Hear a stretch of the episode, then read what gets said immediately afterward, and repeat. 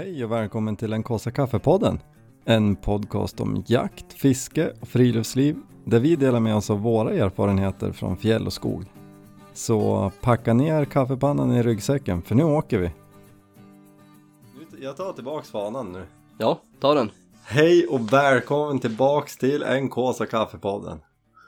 Välkommen. Det är ju nytt år. Ja, äntligen. Så vi riv, river av ett bra, ett bra startavsnitt för 2022 tycker jag. Ja, hoppas på det då. är du skeptisk? Nej, det är jag väl inte. Det blir nog jättebra det här, säkert. Ja, ja, det är klart att det blir. Jag känner att, eh, alltså vi, både jag och Thomas har ju haft corona i julhelgen. Ja, Det, nu har ju det börjat släppt. nu är vi Mm. på återhämtning. Så det, det känns som en bra start tycker jag. Kan bara bli bättre. Mm.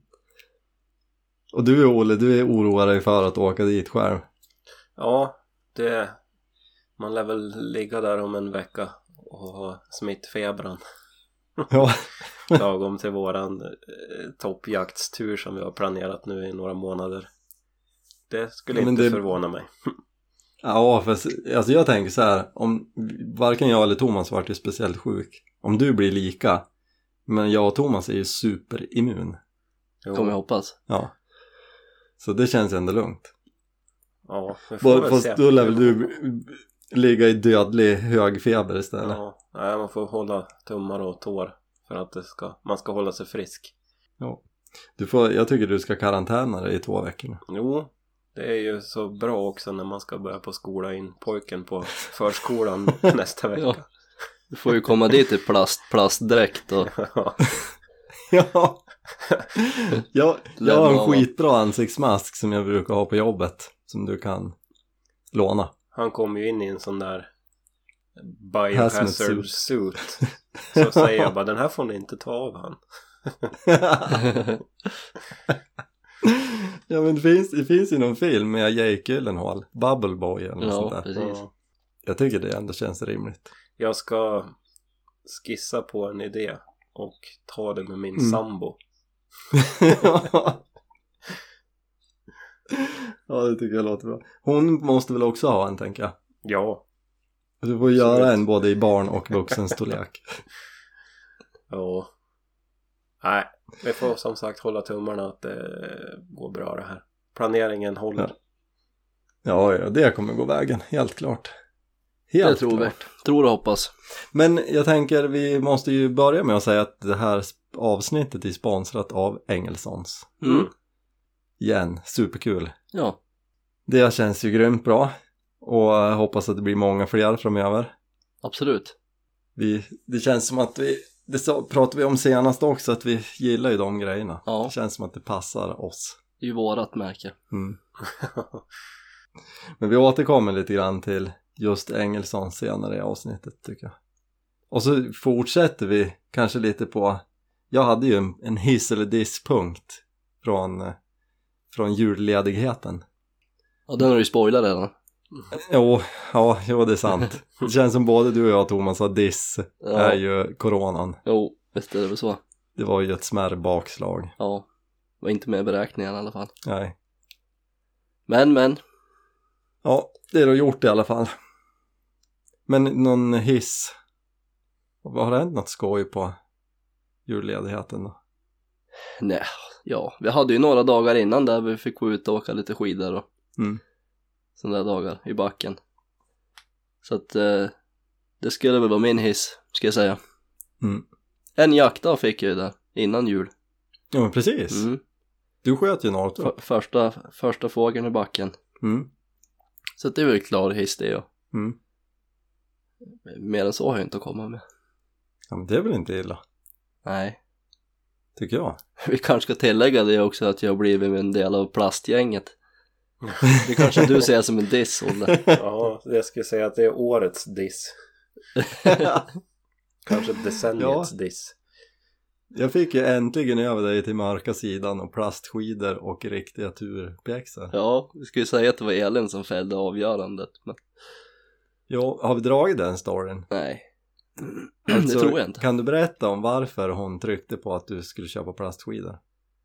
Ja, det var ju, det, det var ju efter där, när, jag kommer inte ihåg när det var, om det var i november.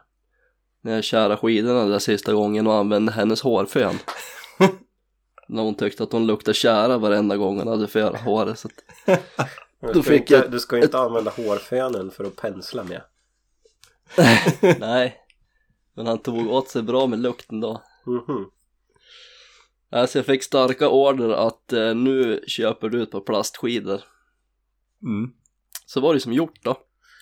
Ja, det känns ju nästan uträknat från början tycker jag Det dig. låter, det känns ju så. Det måste nog vara lite undermedvetet Vad kanske. kostar en varmluftspistol? 99 kronor på, på Jula. Jo visst.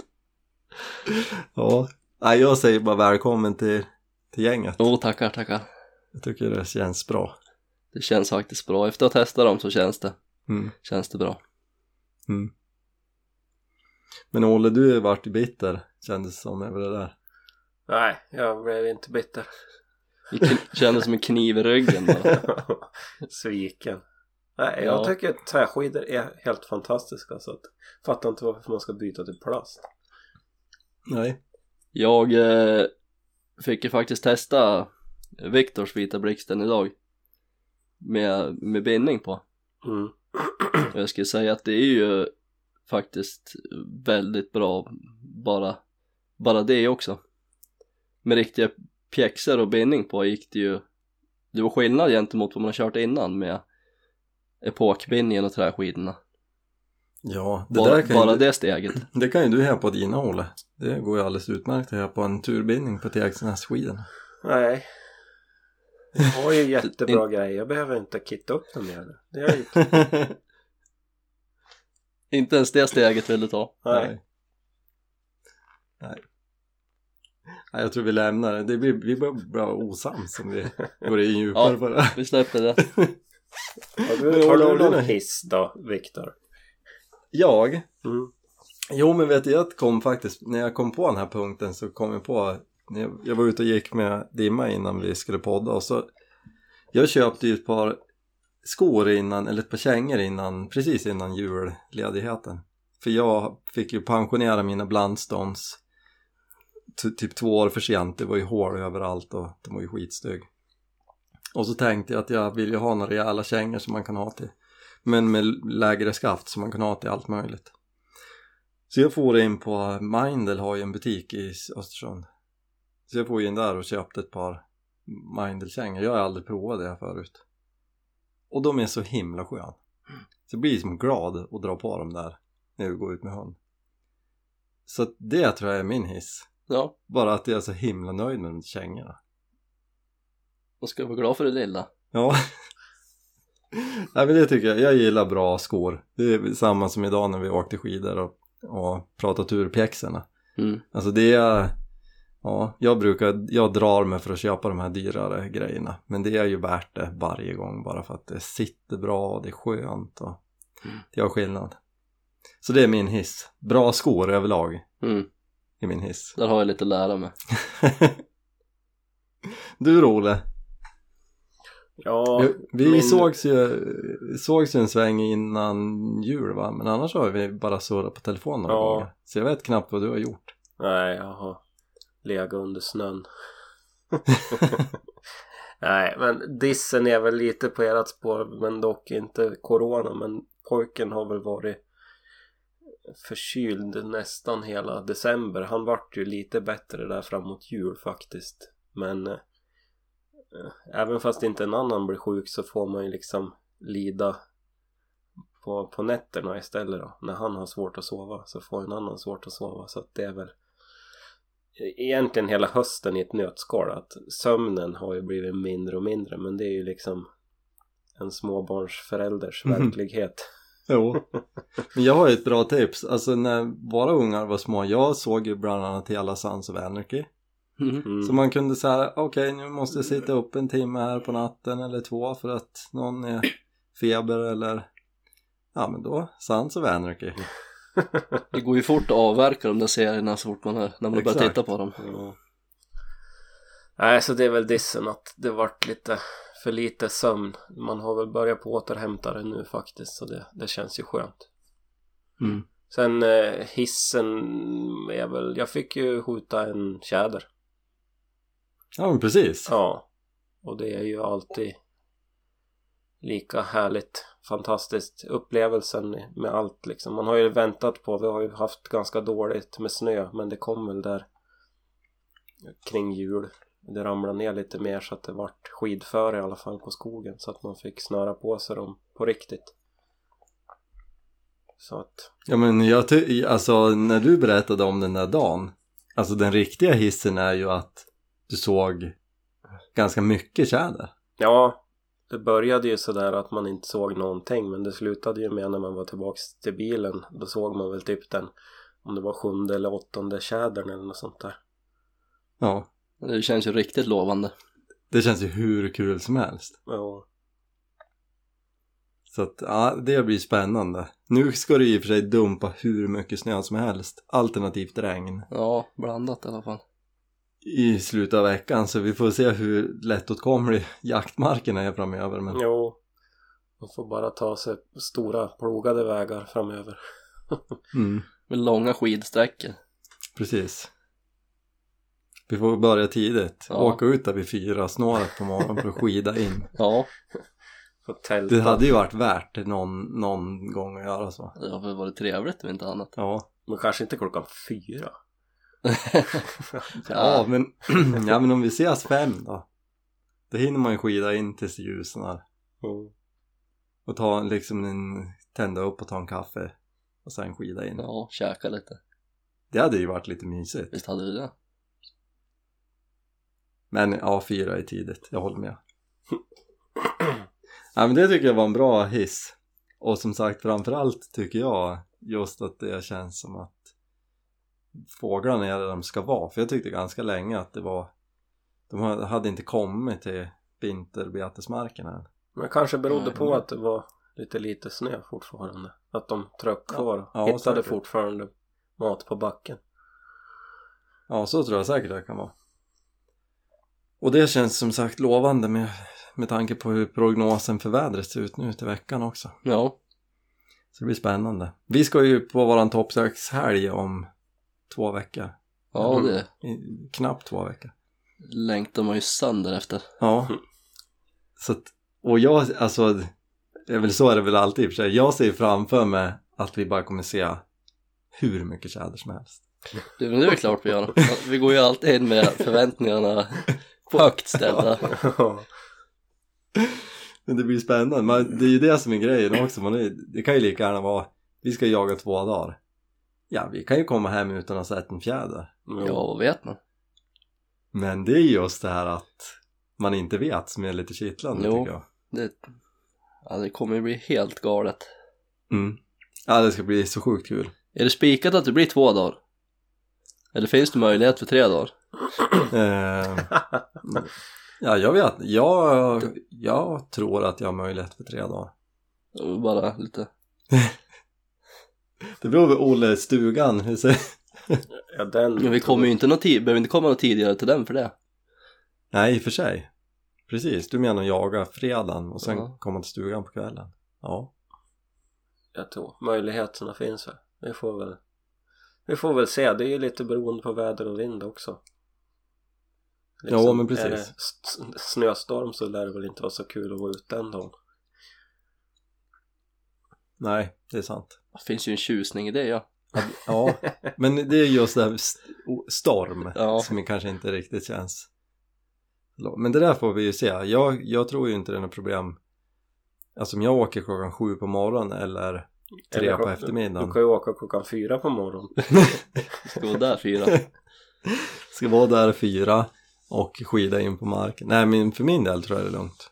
vi, det, vi lämnar det öppet Ja, det var en bra idé. mm. Var det. Men jag ser ju jag ser ju mest fram emot att få jaga tillsammans med er. Men det var ju ett tag sedan nu Ja, Ni har ju varit ute en sväng tillsammans ja. Ja, halv kaotisk eh, kort dag. Ja. Det var en berättade vi om senast när jag var tvungen att bryta och fara till stan. Ja, Jag har ju fått en dag med alla mm. Sen har inte jag varit ute något mer alls nej men det där, ja, vi pratade ju lite om det nu innan vi började spela in och du och jag pratade om det här om dagen Olle att jag, jag var ju ute i onsdags och sköt en artupp men det känd, det var alltså, det är alltid roligt liksom när Mm. det går vägen men det var inte samma som det brukar vara. Jag tror att liksom Ja men för något år sedan så här då var jag så het och ville liksom alltid skjuta och Ja men vi får ju jaktmarker runt och leta nya ställen eller det, och det gör jag väl fortfarande men Ja, jag vill dela det där med någon fler. Det känns roligare. Ja, absolut. Och då är det inte så noga liksom om det blir något. Man kan sitta en stund extra runt elden och suga på den där kaffen och... Men det, är det är ju det som är det fina med den där jaktformen mot för många andra jaktformer att det är ju liksom en gemenskap. Man är ju oftast tillsammans. Mm, Sen kanske man inte pratar jättemycket just när man skidar och så men alltså man är ju där och man upplever ju allting tillsammans. Ja men det, ja och det, vi pratade väl lite om det i toppjaktsavsnittet men det är ju något fint med det tycker jag. För jag, jag kan känna liksom när jag var ute i onsdags Alltså det var helt magiskt ljus Mm. vid två snåret när solen hade börjat gått ner liksom. Det var ju helt lila rosa vart man än tittade och vad hade klarnat upp och jättefint och man såg ju Offerdalsfjällen en bit bort och och bara en sån där grej tycker jag att och få se det tillsammans liksom. Man Mm. behöver inte säga så mycket men jag tycker att ja det är något speciellt med det. Mycket de där stunderna emellan om jag stannar och tar en ka- kaffekopp och Mm. en macka eller mat eller vad man än äter så är det ju de stunderna gör ju nästan mest också, inte behöva sitta där själv och Mm. Och då slänger man ju det. i sig mycket bara för att det ska i. jo, Ja men precis. vidare. Kan få lite gött snack emellanåt Mm. Ja, Nej, sen det är det ju emot. rådande tider också. Alltså vi har ju träffats så sjukt lite de här senaste två åren. Så att det är väl Ja. just det, man skriker ju bara efter umgänge på ett sätt också. Ja, jo men så är det och, och det är kanske ännu mer liksom med den här toppjaktshelgen för den här skulle ju vi ha på samma ställe i fjol mm. Men det fick vi ju ställa in för att det var, kändes inte rätt liksom med smittläge och att vi skulle ses och Mm. så vi jagade ju en dag på det stället. Men vi bodde ju inte i över eller jagade flera dagar som vi hade tänkt utan precis. vi åkte bara upp över dagen. Så det här känns ju verkligen som att ta igen förra året också. Ja, Jo, Nej, det ska bli grymt kul. Ska det. Men hörni, vi kan slänga in en fråga. mm. Jag tror att vi nämligen har fått en fråga i alla fall på Instagram. Där skriver Mr J Linden skriver så här. Erfarenheter av skogsfågeljakt med stående fågelhund. Kul eller döden? mm.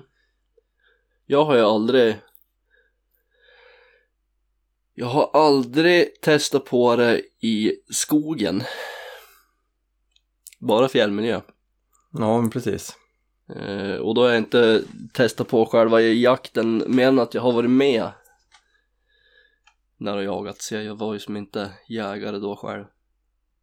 Men det är ju skitkul. Det är ju skitkul och skithäftigt och gillar man att gå och allt sånt där så är det ju superbra. Verkligen. Mm. Och jag du, har Olle, har- Nej, jag har inget att tillägga. Jag har ingen erfarenhet av, av det. Den jaktformen. Nej. Men det man kan säga är väl att all jakt med hund är väl häftigt så. Alltså när man har ett, ett sånt hjälpmedel och får se hur de arbetar. Ja. Ja, ja. Ja, och jag har ju, jag har ju jagat skogsfågel på det viset. Och ripa också, men, men det blir ju annat. Och jag vet inte riktigt vad han menar med kul eller döden. men det blir ju, du har ju inte det här visuella som du har på fjället. För Nej. du ser ju inte hund. När jag var med och jagade det, då hade, var det en sån här pip, jag vet inte vad man kallar det, en beeper eller en, som en pip pejl eller vad Mm. man ska säga på hund. som jag tror att den imiterar något rovfågelläte eller något sånt där. Okej. Men det ska ju då, då hör man ju vart hunden är för när den stannar så Jo, när hunden stannar då börjar den här piper Ja. mer frekvent. Så man kan liksom lokalisera hunden för jag tror att utan någon typ av pejl då är man ju helt rökt för en stående fågelhund är ju tyst. Ja. Så då blir det nog svårt. Och det, jag vet inte om det är det han menar med kul eller döden. Om det, att Men då svårt, liksom. måste du först liksom leta rätt på hunden. Och se vart den står och hur den står. Ja, För att sen Ja. kunna gå fram och få ett läge då. Ja men exakt. Ja. Och det blir väl lite, man får ha de samma tankar som när vi har jagat uppflogsjakt. Tänker jag.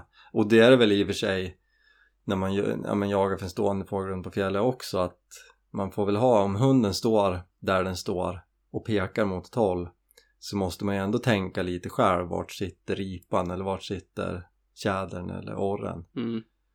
Så man har någon hum liksom om hur de, vart de gillar att sitta. Om det är på en, en kant eller på en kulle eller Men, ja, jag tycker att det är roligt. Ja, det är ju jättekul. Men jag, alltså skulle jag få välja vilken typ av jakt för en stående fågelhund så är det ju på fjället alla gånger efter ripa. Bara för att det är så storslaget vackert, eller kan vara det. Jo. Och man ser mer och ser hur hunden jobbar. Så att, men att det är kul, det kommer man ju inte undan. Oavsett liksom. Nej, precis. Så, att, så jag hoppas det är tillräckligt bra svar på frågan. Tror jag i alla fall. Jag är kanske lite inne på om han tänker att om det funkar och jaga med det på det viset. Ja men precis. Och det gör det ju. Ja, absolut. Men jag tror att man behöver någon typ av pejlanordning. Ja. Och jag, jag vet inte, jag, ni är ju mycket mer erfarenhet av att jaga med hund och, och använda pejl och så här. Men jag, jag gillar ju det där med den där pippejlen. Just för den här typen av jakt. Ja. För att annars så går det ju att rota på, hunden är ju sällan och långt bort. I ett, alltså med en sån typ av hund.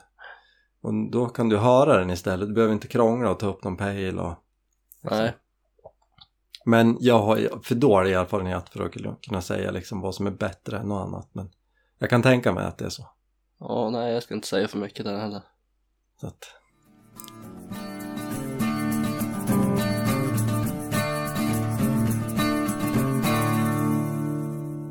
Ja, men eh, jag tänkte vi återgår lite till den här stundande toppjaktshelgen. Och så eh, pratar vi lite grann om Engelsons som sponsrar det här avsnittet och grejer som är bra att ha. Ehm, förstärkningsplagg. Det är ju kallt nu. Mm. Ja, men förra, eller häromdagen var det 24 grader kallt. Har du med dig någon förstärkningsplagg ut Thomas? Nej. Sällan. Varför då? Ja, jag, jag har väl med mig lite extra under, underkläder såklart. Mm. Alltså någon Underställ ull- och- ulltröja ja. typ. Sådana grejer har jag och Inte jag bara fyller ju gärna par kalsonger. ja, strumpor och kalsonger Ja, i mängder. ja. Nej men som vi har pratat om förut med när vi pratade om man hade ryggsäcken så fyller jag ju speciellt toppfågeljakt och sånt där så fyller jag gärna upp ryggsäcken med extra kläder och sånt bara för att den ska vara full också. Mm. Så att eh, sådana extra kläder har ju för att dra på med om det är lite kyligare om man stannar. Mm. Du då Olle? Nej, jag har ju inte heller. Jag är ju mer som Thomas där. Att jag har ju kläder som man tar på sig under kläderna så att säga. En Mm. tjockare tröja och kanske ett par tjockare underställsbyxor eller något sånt där. Just när man stannar till. Men jag har ju liksom börjat fundera mer och mer på det här och, och packa med sig något, något annat just. För att det är ju smidigare att ta på sig någonting utanpå än att börja på att klä av sig för att ta på sig. Ja, det var ett himla liv på er när jag skulle ta på min eh, ullväst när vi var och jagade ripa. Nej. Men det, jag håller med. Just det här att ta, ta av sig för att ta på sig är ju mäckigt. No. Är det ju. Men jag, jag, jag vill ju att ni ska tänka om på det här. Jag, ni måste ju ha med er en, en förstärkningsjacka. Alltså jag ser ju det som en livförsäkring att ha med mig det i ryggsäcken. Ja, så är det. Och liksom utan att måla fan på väggen men det kan ju gå snett. Man kan ju, man, man kan ju vara ute och skida själv och så ja, men man bryter benet.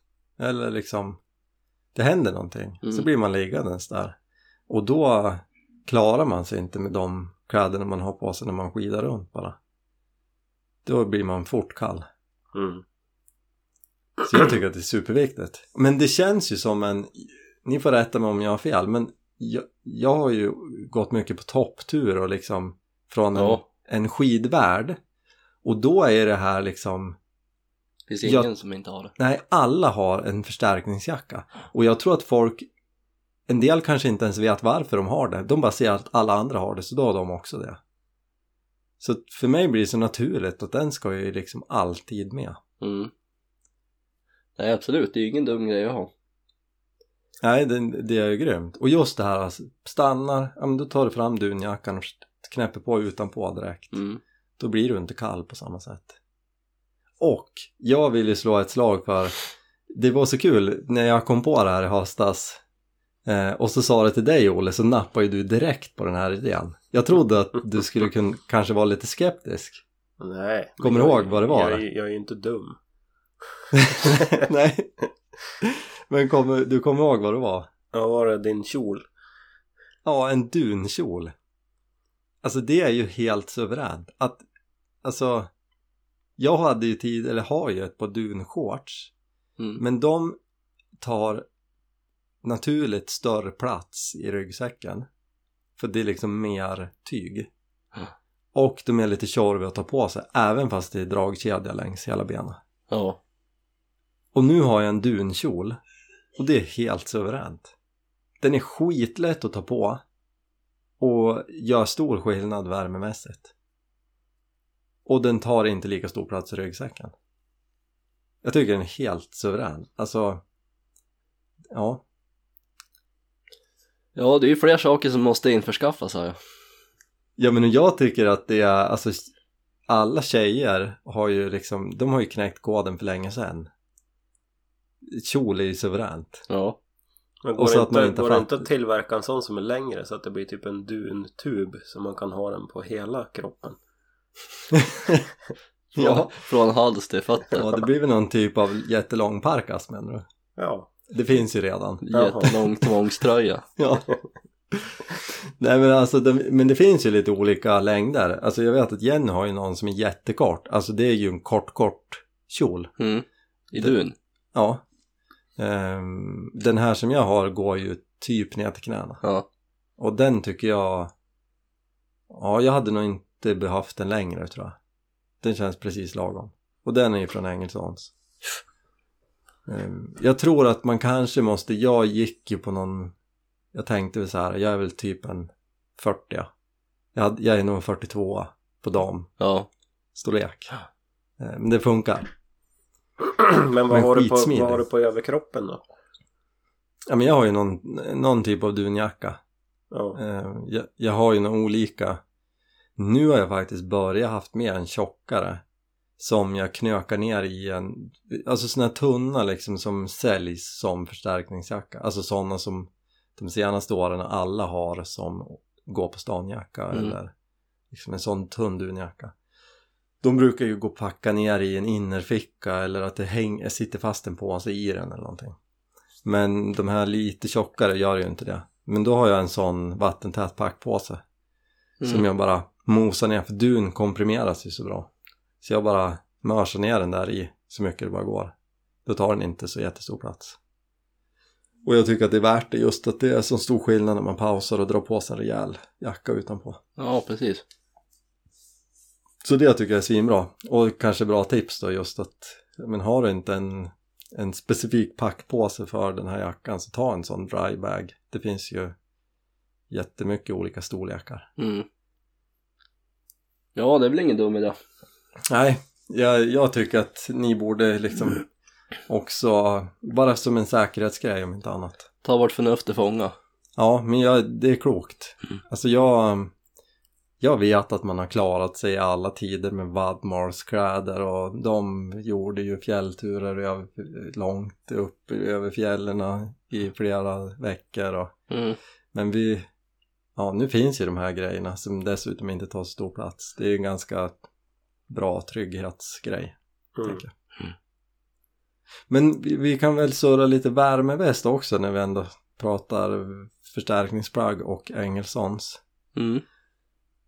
Jag är ju skitsugen på värmeväst. Ja, Jag fick ju en av Jenny i farsdagspresent som Precis. jag lämnade tillbaks. Det var lite dålig passform på den. Ehm, men jag vill ju fortsatt ha en. Hur känner ni för sån där pryl? ja Alltså- säger du Olle.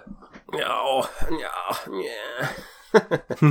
Jo, nej men alltså Alltså jag har ju typ provat såna här Alltså det är ju typ händer och fötter som man brukar bli kall om Och jag har ju typ provat såna här Påshandvärmare Och de funkar ju jättebra en stund liksom Men det är ju så himla trist när det är så här engångsgrejer som man ska behöva använda Så att, Mm. visst har man väl tittat på det här med, med värmeväst också Men man har väl liksom inte tagit steget som sagt och provat det fullt ut Sen är ju du mer frusen än oss också Jag? Ja, vi har ju Ja, varmare bord det. än dig Ja, kanske. Men alltså det, jag hatar ju att frysa. Ja, alltså det driver mig inte vansinne. Jag älskar ju kyla men jag hatar att frysa. Jag är ju sällan i de situationerna där jag fryser. Så. Nej, du köpte en hund istället för en Köpte en värmeväst. hund istället för värmeväst. Ja. Eh, nej men så att jag har ju som, det är som Olle säger, det är ju händer och fötter som är det större problemet i så fall. Mm. Men det, och där tänker jag, alltså det beror ju på också situation såklart, det är inte alltid så. Men när man sitter på pass, eh, eller oavsett vad man gör egentligen, du börjar ju alltid frysa om händer och fötter först. Mm. Fast du tror att du är varm liksom om bålen och, och ja, runt där de viktiga grejerna sitter. Men tar du på dig så att du är tillräckligt varm på, ja men runt bröstet så kommer händerna och fötterna vara varmare. För kroppen liksom stänger ner de delarna först. Den känner att shit, nu börjar det vara lite kallt. Det viktigaste är att ha varmt vid hjärtat. Och då stryper den lite till händer och fötter. Det är Mm. liksom steg ett. Det här låter ju som en, en, en väldigt stor killgissning så att det här måste vi nog forska vidare på det här är faktiskt inte en killgissning. Vi öppnar google nu. Nej men det är en bra grej att ha med sig. Ja, alla, alla lyssnare får ta det här med en nypa salt ja, ja, googla på ni. vi ska bara säkerställa källorna först. Men det kan vara en bra grej att tänka på. Ja, ja, jo. Visst är det så, säkert. Ja. Och jag, jag tänker just med värmevästen, alltså den här smidigheten att man inte behöver vilsa på sig hur mycket kläder som helst för att vara Mm. varm. Utan man kan vara ganska rörlig och ändå varm. Och speciellt i så här oktober, november och sitter på älgpass och så drar ut på tiden och nej, till nästa höst då då ska jag ha en sån där. Ja, vi Så- bara finna ut den rätta. Mm, mm. Men ja, jag kommer väl få över någon av er på min sida till slut. Ja, det är jag ska ju köpa förstärkningsplagg först. Jo, rätt mängd tjat så är jag där jag Jag är ju bara Mm. prata med Elin så säger hon åt Thomas att han ska göra det och sen är det ju gjort. Ja, ja, exakt. Slutar med att man köper bara för att ha, sen är det det bästa man har köpt. Mm. Nej, det där måste ni kika på. Stalltipset är att det finns ju sådana där saker på Engelsons. Vi börjar med kåpor och, och förstärkningsplagg. Ja. Det Sen ska, sen ska vi är prova, prova att värma hjärtat också. ja, gisses. Ja, nej, det blir bra.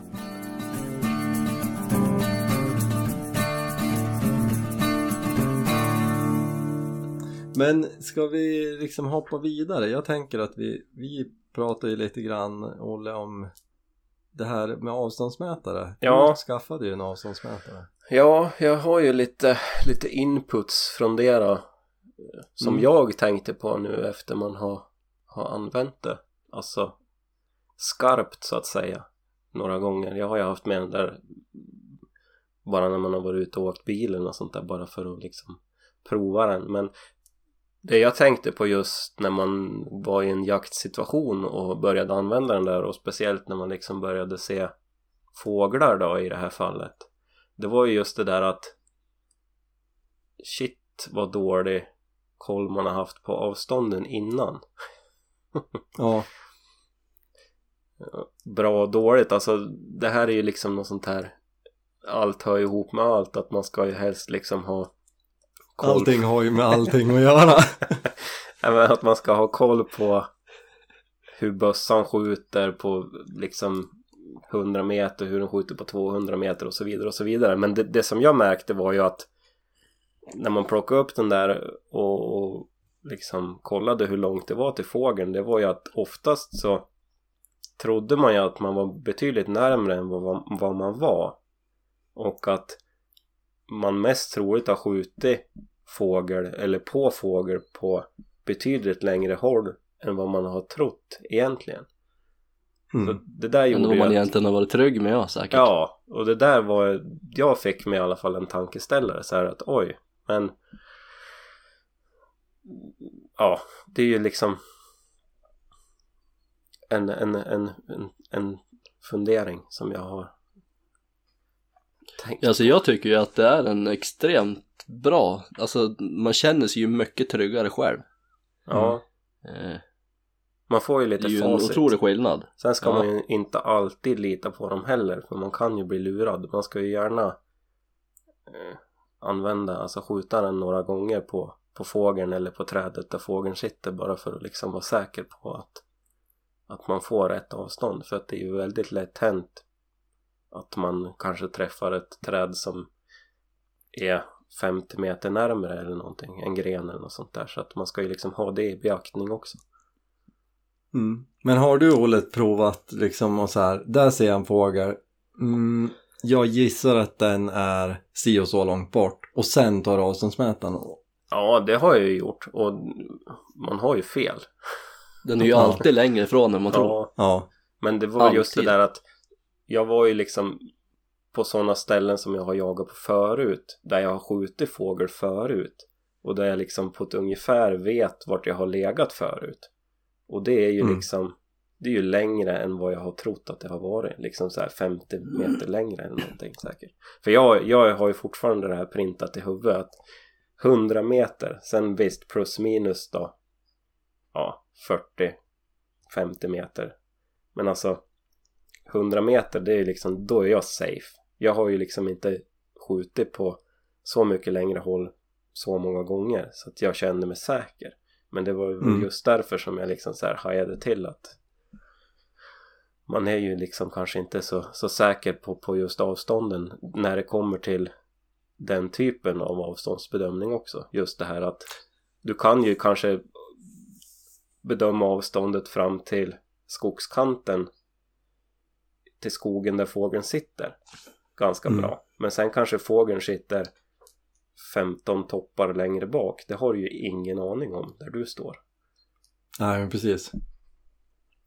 Nej men jag, jag, tänker på direkt på en gång, det var när vi var ute, var det nej två år sedan kanske. Då var vi ute, vi tre och Alle. Och, och då var det mer perspektiven som lurades. Då, då hade vi, du hade ju en avståndsmätare då Thomas. Mm. Så vi hade med en, men det var ju typ första jaktturen med en avståndsmätare.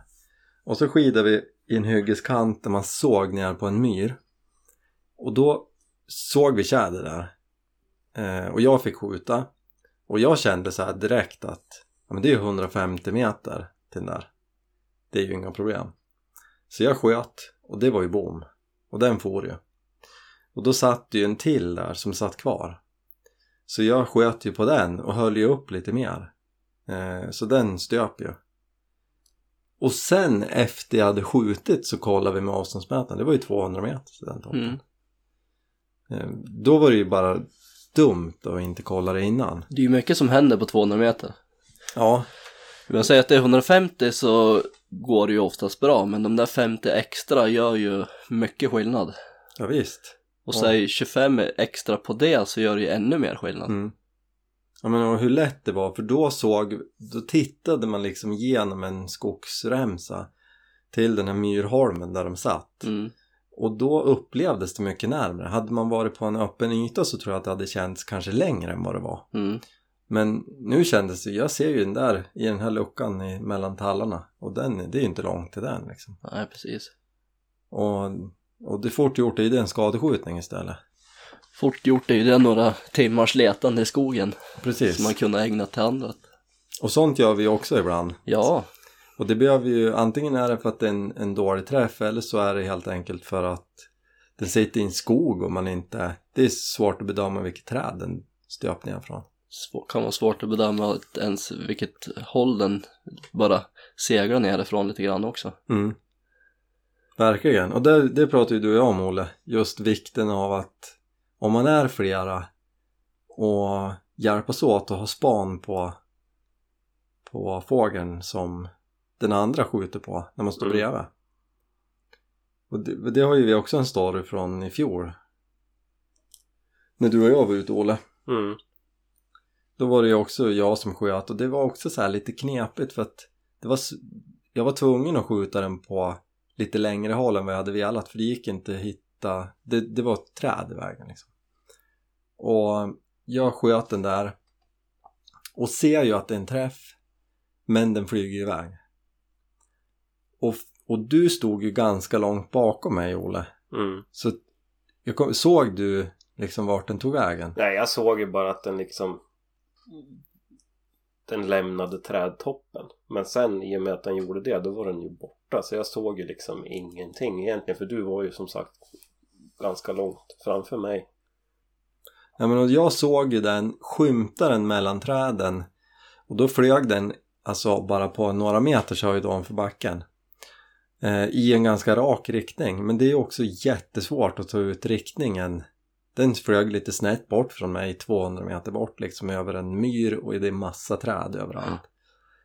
Ehm, men då bestämde vi ju och det var ju också så grymt bra att vi var två. Så att jag skidade ju åt det hållet jag trodde att tjädern hade farit. Och där, som det såg ut där så var det ju liksom en myr och sen så gick det upp, en, det är en liten höjd där som, ja, det är några meters höjdskillnad liksom bredvid myren. Så jag tänkte att med lite tur så har den ju slagit på den här höjden någonstans. Och skida emot det och du Olle skidade ju direkt mot trädet där jag hade, där den satt Mm. vid skottet. Och sen tror jag du ringde mig att vi hade telefonkontakt. Ja, vi pratade. Jag använde ju mina, mina kåpor då med, med, med mick. Så att jag kunde ju prata med dig Precis. samtidigt som jag skidade. Och det var ju, i den, den här gången, vi hade ju lite tur. Det var ju bra, bra snö på backen. Mm. Så du hittade ju liksom ett fjäderspår att Ja. följa. Det var inte många fjädrar, men de var ju där. Nej, på skottplatsen just under granen så var det ju ganska mycket. Men sen, du hade ju sagt att den hade ju liksom flugit i en rak linje liksom över myren. Så jag liksom skidade ju ut mot myren och det vart ju liksom så här, jag hittade ju ja men två fjädrar och så skidade jag lite till och så hittade jag en fjäder. Men alltså det vart ju mindre och mindre fjädrar så att när jag var borta vid nästan vid myrkanten då, då fanns det ju inga fler fjädrar. Men det var väl då vi pratade så då skidade ju du till mig. Du fick ju ut en, en linje. Det var ju Ja. det som var så värdefullt. Så du skidade ju till mig och så pekade jag väl dig i ungefärlig riktning. Mm. Och du skidade in där och hittade den. Ja, då var den där under en gran. Och jag hade träffat aningen högt. ja. Eh, Och hur långt ifrån hade han landat? kan det varit 300 meter? Ja, kanske mer då. Det. Kanske mer, 400? Men det kan ju ta sin stund att leta de metrarna. Alltså Mm. hade jag varit själv Då har du aldrig hittat han. Nej, jag kan ha missat den då. Mm. Eh, eller så hade jag hittat den till slut. Eh, men det hade tagit tid alltså. Ja. Om jag hade gått och mer den där den höjden. dagen. Nej, nej, nej. det. Det här är ju någonting som vi egentligen skulle ha tagit i toppjaktspecialen. För det är ju liksom lite baksidan av alltihopa. Jo, Absolut, men jag tänker att vi, jag tror vi kommer återkomma till toppjakten både en och tre gånger. Jo, Det, det hade blivit fem timmars avsnitt om vi skulle... För det är ju så med all jakt att man, man går ju alltid in med det att, inställningen att det ska gå bra och man hoppas ju att det ska gå bra men ibland går det ju inte bra och då får man ju liksom pröva att anpassa sig efter situationen där då. Mm. Jaktdagen kan ju liksom ta, ta slut eller inte ta slut men du kan ju få lägga väldigt mycket tid på att söka efter någonting som du har skjutit på. Ja, alltså jag känner ju liksom, och kanske framförallt att vara ute med det här gänget, så de största riskerna med att det tar tid på en jaktdag, det är ju en, en fågel som man har svårt att hitta igen, eller att Thomas kör diket. ja. Det kan ju också ta mycket tid.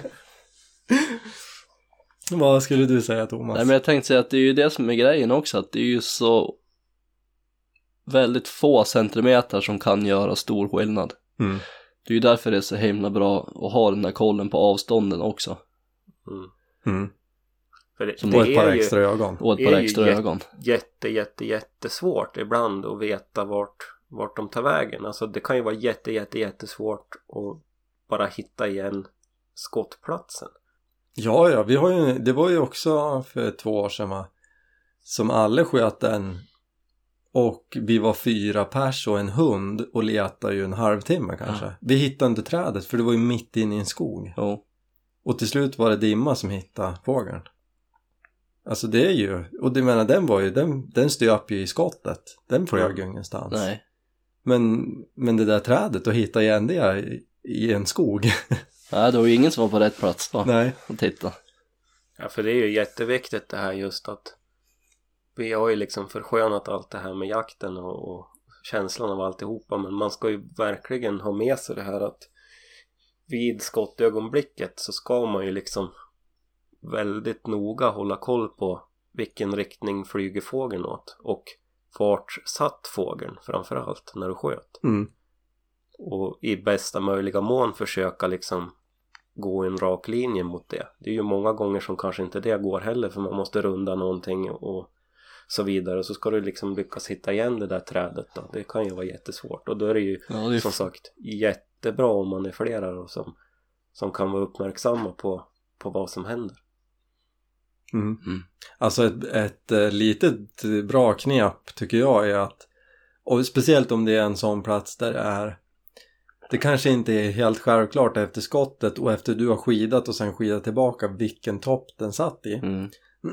Precis efter skottet ta upp telefonen, ta en bild och bara ringa in toppen där den satt. Ja. Mm. Alternativt eh, såg jag på någon YouTube-film nu i veckan faktiskt. Mm. Det var ju att bara gå in på WeHunt och sätta en waypoint där du är och waypo- och waypoint exakt den riktning som Ja, Trädet, precis. Mm. En grej du har ju vi- avståndet då vid, vid avståndsmätaren och sen avståndet till WeHunten så att Precis. Det blir ju väldigt exakt. Mm. En grej som man ska göra egentligen också då ifall det blir tjorvigt om man är två stycken så ska ju den ena stanna kvar där det Ja. sköts och så har man telefonkontakt liksom på ett ungefär och säger att ja men där där någonstans där du är nu i det, det trädet var det ju Det är bra tankar tycker jag. Mm. mm. Eh, Lite Och- tips. Ja, och, och speciellt då för jag tror många jagar topp, toppfågeljakt eh, med en kompis. Mm. Eh, att det är inte jättemånga som är ute helt ensam. Nej. Och eh, använd de här extra paren ögon. Mm. Det kan, vara, det kan spara många timmars letande. Visst är det så? Det är bra. Bra tips Olle. Olles spaning. Det, vi har ju, det var väl ett exempel på det i fjol också när vi var ute. Ja där, vi, precis. där vi först och främst kan säga, det var ju eh, jaktturen när ingen ville skjuta. Ja, precis. Jag lämnade bössan hemma. Mm. Jag hade bara med mig kameran. Och eh, ingen av er var ju speciellt sugen på att skjuta. Ja, det kan jag tänka mig att skjuta men jag vill gärna att någon annan ska skjuta först.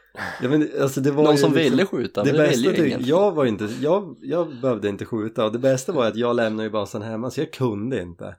Och sen fick jag se, se på det här skådespelet när ni tre liksom bara nej men skjut du, nej men du, ta den här du, nej men jag vill, alltså jag har skjutit en fågel redan i vinter, nej men ta den du. alltså det var ju, det var ju svårt att komma till skott.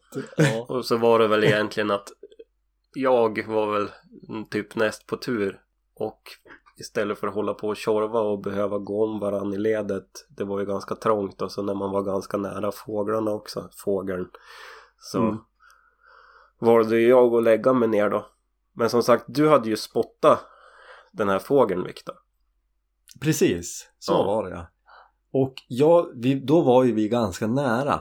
mm. så det var ju, fanns inte utrymme för att hålla på och röra sig så mycket. Nej. och så var det ju liksom ungskog också så det är ju inte så här jättemycket skydd Precis. Och jag var ju då helt övertygad om att vi står och tittar på samma fågel.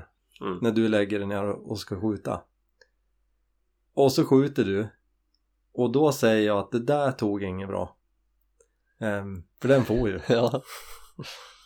Och, du, och jag kommer ihåg att du var ganska brydd då Olle. Ja. Nästan lite förnärmad. Ja, jag var liksom ganska säker på att det där gick bra ja. Men då skidade vi ju fram och eh, där låg det ju en tjäder. Ja Jag, jag, jag tittade ju på en annan. ja. Mm. Men då, Eh, det, det, är är också ju en sån smart. där, ja för då jag låg ju liksom, vad kan det ha varit? Två, tre meter snett bakom dig då. Du hade ju missat den där första fågeln. Nej men den var ju, jag hade ju en, jag stod ju så jag hade en, ett träd framför mig och bara skymtade den här. Ja, ja. Eh, så den som jag såg satt väl lite, lite, lite till vänster om den som Olle sköt. Mm. ja. Eh, så jag, jag var, skymde ju fågeln som Olle sköt då. Men eh, det var ju så, vi var ju ändå i, så pass lika vinkel så jag var ju, jag var ju helt övertygad om att det var ju samma. ja. Mm. Men ja, så kan det också gå när man försöker hjälpas åt liksom. Mm. Jag sätter alltid- griller i huvudet på det istället. Det är inte alltid det lyckas då heller. Men det, det gick ju bra så det var det som var huvudsaken. Verkligen.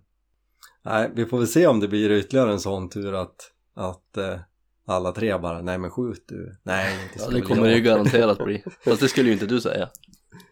Nej men alltså jag är, jag, jag tyckte att, nej okej. Eh, jag är ganska sugen att skjuta en tjäder. Ja. Men jag är också, jag tyckte det var så härligt den där turen. Jag fick till lite bra bilder och sådana bilder som jag inte har fått till annars. För att man har en bössa på ryggen och i ett annat mode. Ja. Mm. Eh, och jag tänker mig, alltså får vi till till och med tre dagar.